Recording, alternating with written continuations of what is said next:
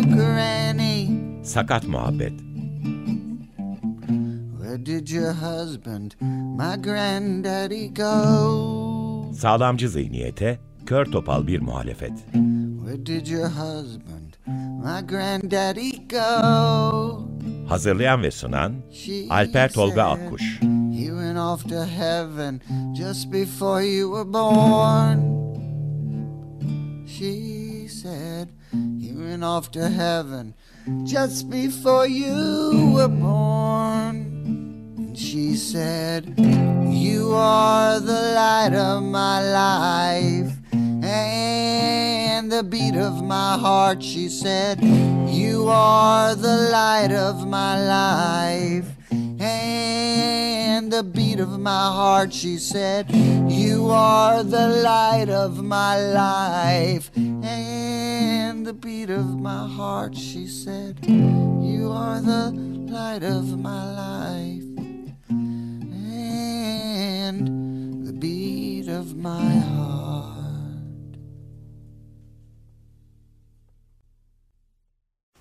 Merhaba Açık Radyo'ya Sakat Muhabbeti Sağlamcı Zihniyetin Kör Topal muhalifine hoş geldiniz. Ben Elif Gamze Bozo. Ben Alper Tolga Akkuş. Bugün 7 Şubat 2024 Çarşamba. Bu hafta programı destekleyen Hülya Kirmanoğlu'na teşekkür ederek başlamak istiyoruz. 6 Şubat Kahramanmaraş depreminin üzerinden bir yıl geçti. Bugün de o konuya dair bir program yapmak istedik sizinle beraber. Depremden sonrasında 3 bölüm peş peşe sonra ayrıca bir bölüm bu konuya eğilmiştik.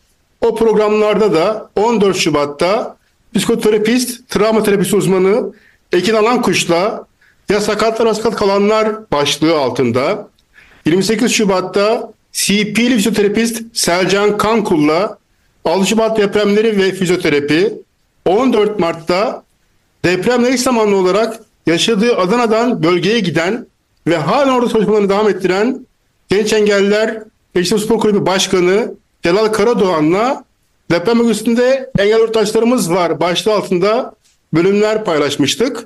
1 Ağustos'ta bir daha o konuya dönerek Türkiye Spasturlar Vakfı Genel Direktörü Nigar Evgin'le Alışmat depremleri ve serebral palsi sizinle paylaşmıştık. Sakat muhabbette. Bu hafta geçen bir yılı konuşmak üzere İstanbul ve Malatya'dan iki konuğumuz var. İstanbul'da yaşayan Türkiye Sakatlar Derneği Genel Müdürü Burcu Dağ ile Malatya'da yaşayan gazeteci basın mensubu Berkman Dulcanlı konuklarımız olacak. Burcu Hanım, Berkman Bey Açık Radyo'ya Sakat Muhabbete hoş geldiniz. Burcu Hanım ve Berkman Bey öncelikle sizleri tanıyarak başlayalım. Bir sakatlığınız bulunuyorsa onun da bilgisini vererek bugüne kadarki çalışmalarınızı Açık Radyo'ya dinleyicileri kısaca bilgi vererek başlamış olalım. Evet, ortopedik engelliyim. Tekerlekli sandalye kullanıyorum ben de. Türkiye Sakatlar Derneği Genel Merkezi'ndeyim ben. 58 şube, 8 temsilciliği bulunan Türkiye'nin en köklü sivil toplum kuruluşuyuz. Onun dışında ben okçuluk milli takım sporcusuyum. Okçuluk dünya şampiyonuyum. Hem sporla hem STK ile içli dışlıyım bu anlamda. Engelliler alanında da oldukça yoğun çalışmalar yürüten bir aktivistim diyebilirim. Ben kendimi tanıtayım o zaman. Berkman Dulcan. Ben yaklaşık 20-25 yıldır Malatya'da gazetecilik yapan, televizyonculuk yapan bir bireyim. %50'lik bir engel dilimine sahibim. Bu anlamda program için, davetiyeniz için çok teşekkür ediyorum ben sizlere. İyi çalışmalar diliyorum. Çok teşekkür ediyoruz. Biz aslında 6 Şubat üzerinde yoğunlaşarak bir konu edindik. Sizlerden o süreci takip eden, Berkman Bey özellikle sizin o süreçte orada olduğunuz ve engelli daha doğrusu sakatlar camiasında neler yaşandı, siz o bölgede yaşayan biri olarak biliyorum biraz zor ve travmatik bir durum olabilir. Çok fazla derine girmeden hani bize o günü kısaca bir özetleyebilir misiniz?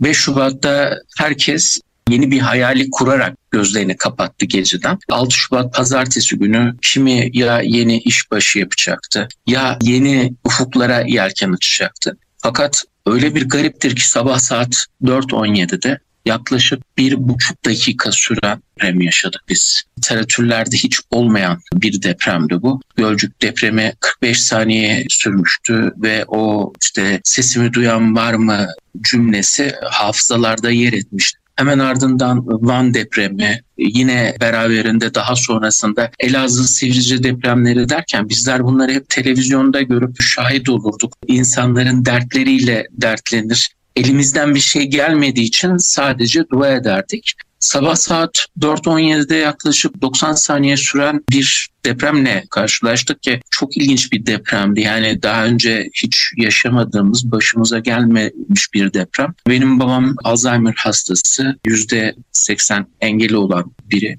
Onların o korkusu anne ve babanın ev içerisinde. Depremde kendimize geldikten sonra zaten direkt aşağıya indik. Aşağıda bahçede daha doğrusu insanlar korkmuş bir şekilde dururken ne yapacağımızı bilemiyoruz. O an öyle bir an ki kıyamet gibi herkes yanındakini düşünüyor. Yani anneyi, babayı, evliyseniz eşinizi, çocuğunuz varsa çocuğunuzu. Bir başkası inanın aklınıza gelmiyor. Kendimizi toparladığımızda tekrar eve bir çıkalım dedik. Eve çıktık ve sular çamurlu aktığından dolayı su ihtiyacını bir bakkaldan veya marketten görmek için veya evde ekmek olmadığından dolayı ekmek almak için dışarıya tam çıkarken ikinci depreme maalesef yakalandık ki o da yine bir 7 şiddetinde depremdi. O an zaten siz ne kadar soğukkanlı olursanız olun yanınızdakilerin o çığlıkları, haykırışları, bağırmaları kendinizi dışarıya zar zor atıyorsunuz. Dışarıya attığınızda yıkılan binaları görüyorsunuz.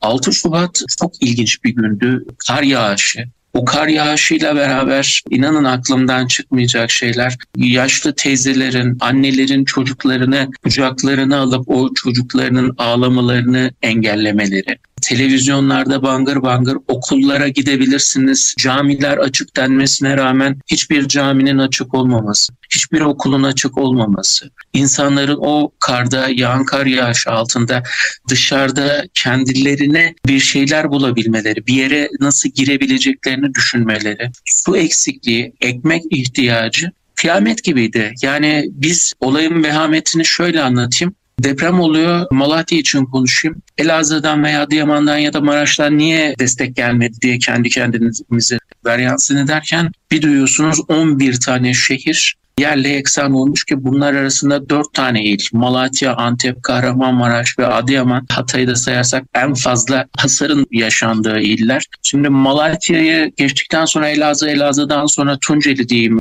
vapur veya gemiyle geçiyorsunuz feribotla. Malatya'ya ekmek Elazığ ve Tunceli'den geldi. Su yok.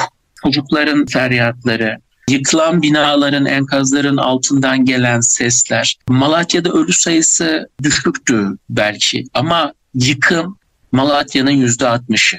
Bir şehir düşünün. Şehrin yüzde altmışı şu an taş bloklar ve şu an bir yıl geçmiş. Bir yıl sonunda dışarıya çıktığınızda ilkokulum yok, ortaokulum yok, lisem yıkılmış. Gittiğin insanlarla beraber çay içtiğin yerler yok. Merkez diye bir şey kalmamış. Psikolojik olarak müthiş bir çöküntüdesiniz. Engelli insanların, engelli bireylerin zaten sıkıntısı çok daha fazla idi. Yardıma muhtaç, yardıma ulaşamıyorlar. Düşünün üçüncü katta, dördüncü katta akrabanız var, anneniz var, babanız var, yatalak. Kendinizi zar zor dışarıya atıyorsunuz veya atamıyorsunuz çünkü onların dışarıya çıkması gerekiyor. Allah bir daha kimseye yaşatmasın diyeceğim. Elazığ depremlerinde yaklaşık bir buçuk iki yıl önce yaşadığımız bir depremde birçok orta hasarlı yapıya oturulabilir izni verildi ve bu oturulabilir izni verilen binaların tamamı Maraş depreminde yıkıldı ama bunun sorumlusu maalesef yok.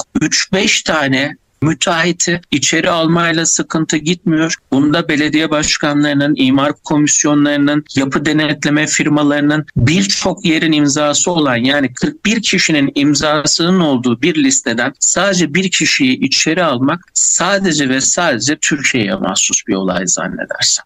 Burcu Hanım'a da ben soru yönelteyim. Siz İstanbul'da yaşıyorsunuz ama Türkiye Sakatlar Derneği tüm Türkiye'de organize bir yapı ve siz de ilk günden itibaren deprem bölgesindeki tüm illerde sakat bireylerin yaşadıklarını biliyorsunuz. Bu arada ben Mersin'de yaşıyorum. Gülcan ikinci Mersin Şube Başkanı Onu da az önce konuştum. Söyledim sizi konuk edeceğimizi. Selam da söyledi. Buradan ona da bir selam göndereyim. Deprem günü Berkman Bey'den dinledik.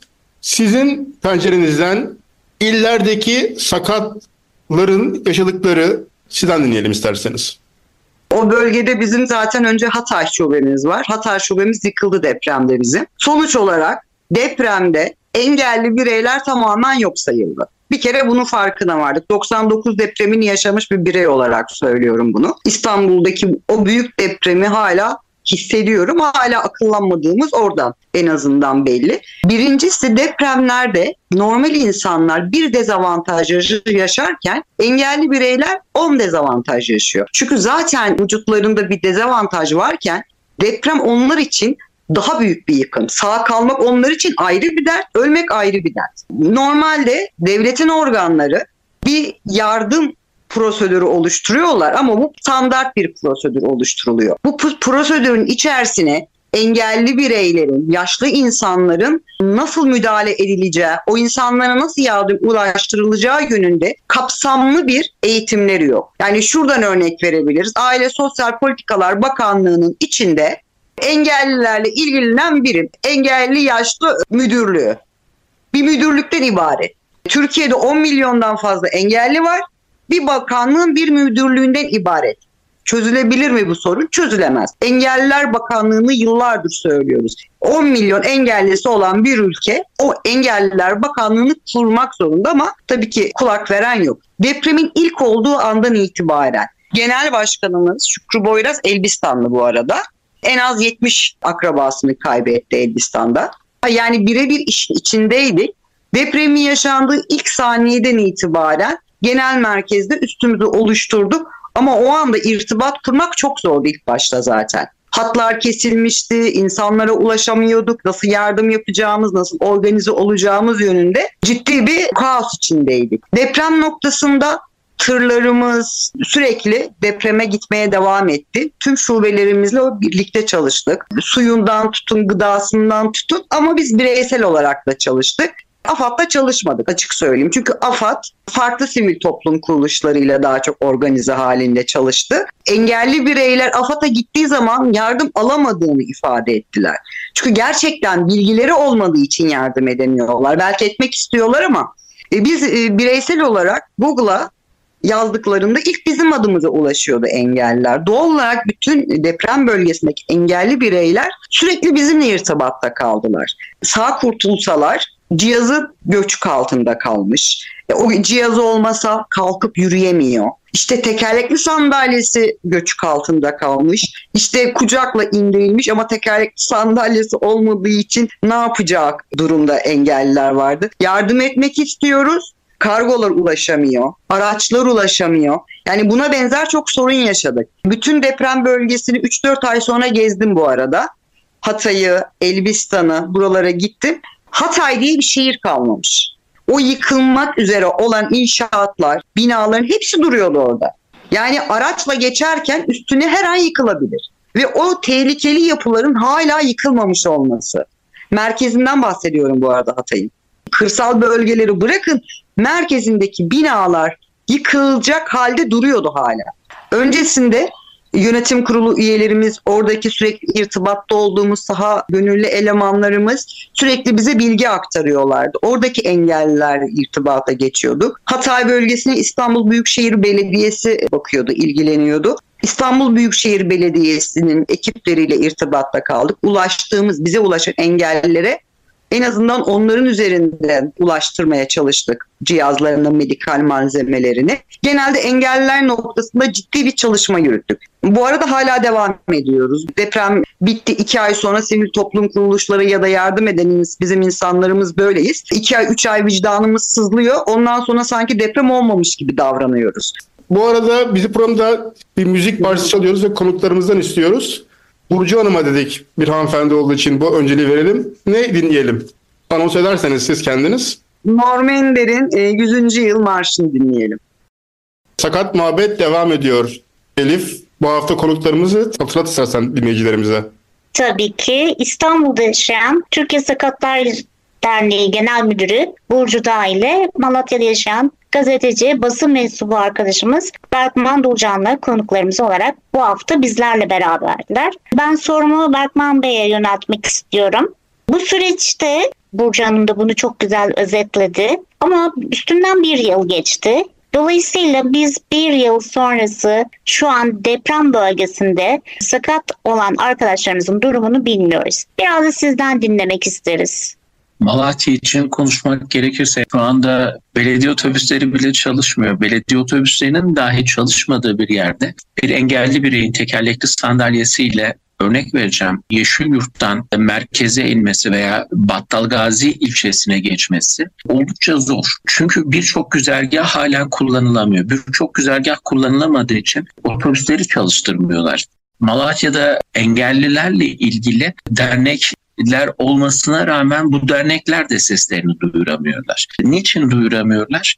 Bir şeyler birilerinin tek elinde. Her şey çok güzelmiş gibi gösteriliyor. Biraz önce hanımefendinin bahsettiği gibi Hatay'a 4-5 ay sonra gittiğimde halen binalar duruyordu dedi. Malatya'da bir yıl geçmesine rağmen daha yıkımın %86'sı tamamlandı. %14'lük bir kısım daha tamamlanacak. Bu da sadece merkezde. Doğanşehir ilçen Yeşilyurt, Çırmıktı e, olarak tabir ettiğimiz merkez kısımlarında daha enkaz çalışmalarının birçoğu yapılmaya başlanmadı bile. Ve boş bir tarla görümüne e, gelecek birkaç ay sonra buralar. İşte insanlar konteynerlarda yaşıyorlar. Konteynerlar halen yetmiyor. Bir engelli bireyin konteynerde yaşayabilmesi ne kadar mümkün? Yani bunu bir soru olarak soru cevap şeklinde gitmeye çalışırsak engelli bir bireyin tekerlekli sandalyeli bir bireyin bir artı bir olarak yorumlayalım. Konteyner içerisinde neler yapabilecek? Lavabo imkanın zaten ufacık bir e, metrekare gibi bir alanda. Oraya tekerlekli sandalyenle sığamıyorsun. Tuvaletin olduğu yerde, lavabonun olduğu yerde banyo yapmak mecburiyetindesin. Bunları yaparken yemeğini yine bu konteynerin içinde yapmak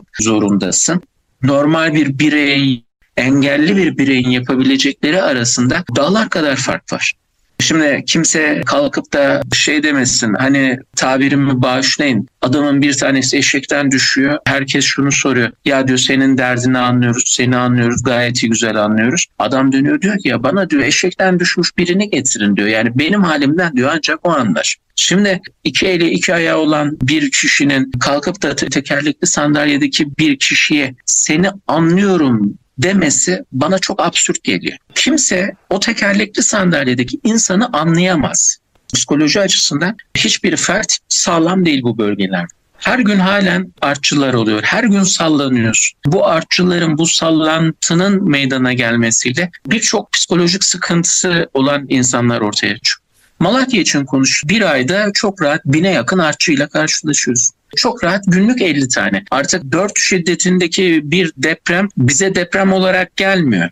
Yani biz 5'in altında olmazsa diyoruz deprem değil artçı diyoruz. Ama inanın insanlarda müthiş tedirginlik var, müthiş korku var. İnsanlar evlerine giremiyorlar. Dedim ya engelli bir bireyi psikolojik açıdan ne kadar rahatlatabilirsiniz? Binalara giriyorsunuz engelliler için halen yer yok. Yani nasıl engelliler o binaya girecekler belli değil. Malatya'da nüfus müdürlüğü var. En basitini söylüyorum size. Bir tane senin değişik adliyen var. Hiçbirinde engelliler için giriş yerin yok. Evet.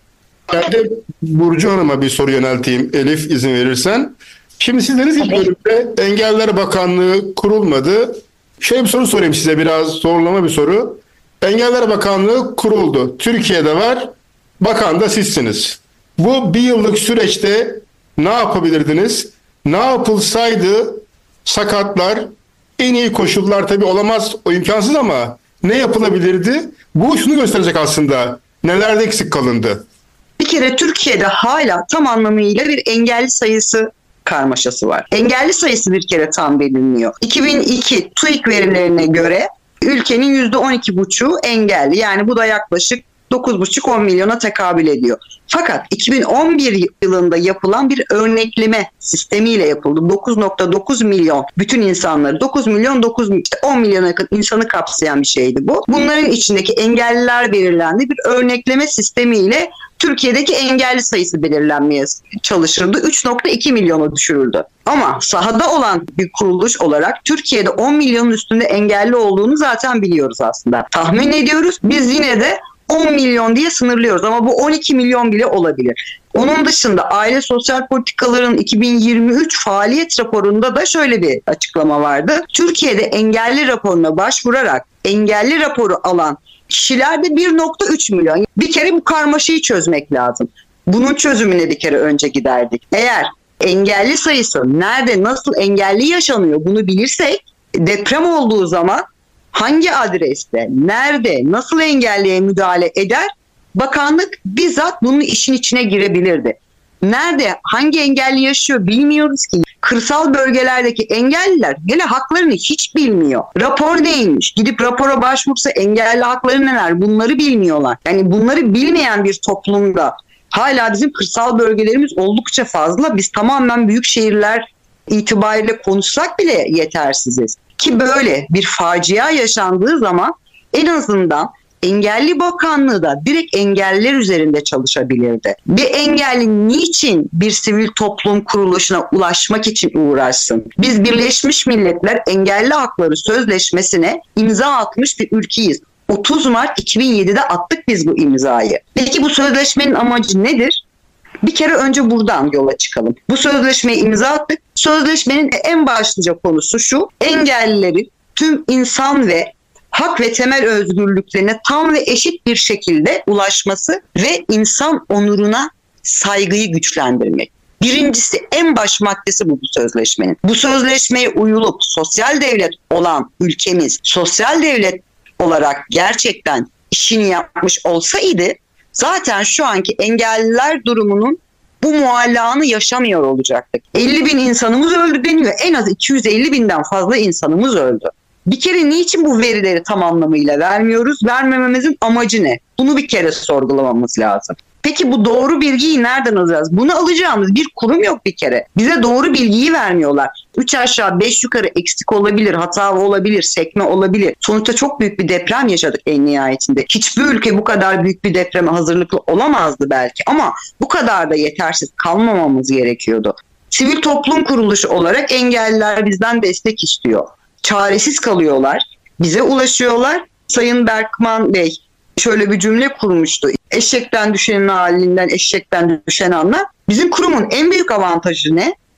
Bütün başkanlarımız engelli, genel müdürlüğümüz, genel merkezimiz engelli personeller çalışıyor. Yani o yüzden bizi bir engelli aradığı zaman direkt empati kurabiliyoruz. Çünkü onların halinden anlayacak insanlar var telefonun başında. Danışmanlığını yapıyoruz o insanların ama bir noktada bir sivil toplum kuruluşuyuz. Bizim derdimiz hak temelli çalışmak, engellilerin haklarını elde edebilmesi için çalışmalar yürütmek. Ekiplerimiz dolaştı bölgeleri ilk günden itibaren dolaştı. Sonra da dolaştık. Konteyner kamplarımız var.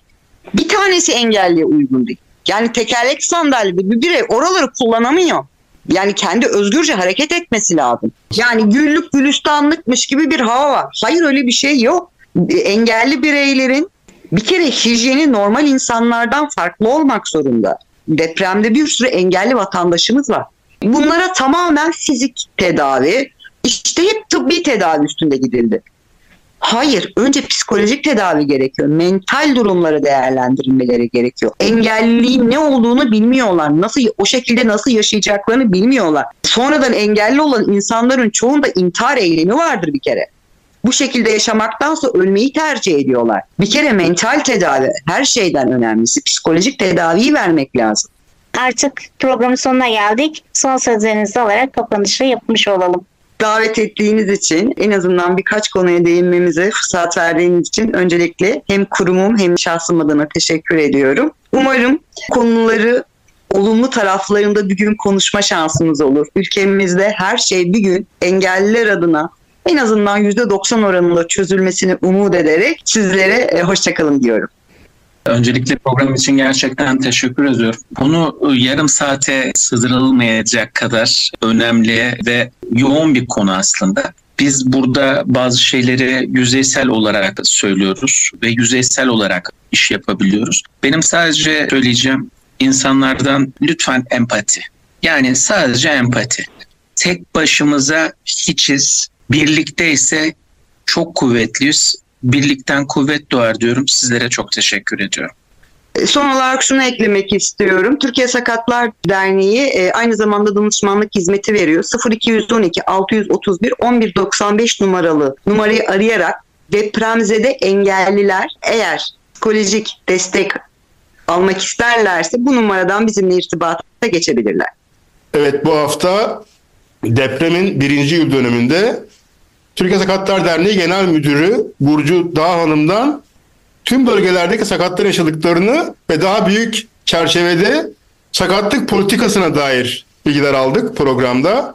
Berkman Bey ise Malatya'da yaşayan bir gazeteci kendisi. Malatya'nın özelini anlattı, detay verdi. Bu hafta destekçimiz Hülya Kirmanoğlu'ydu. Ona teşekkür ediyorum. Sakat muhabbette sağlamcı zihniyetin kör topal muhalefetinde bir dahaki bölümde görüşmek üzere diyorum. Hoşçakalın. Hoşçakalın.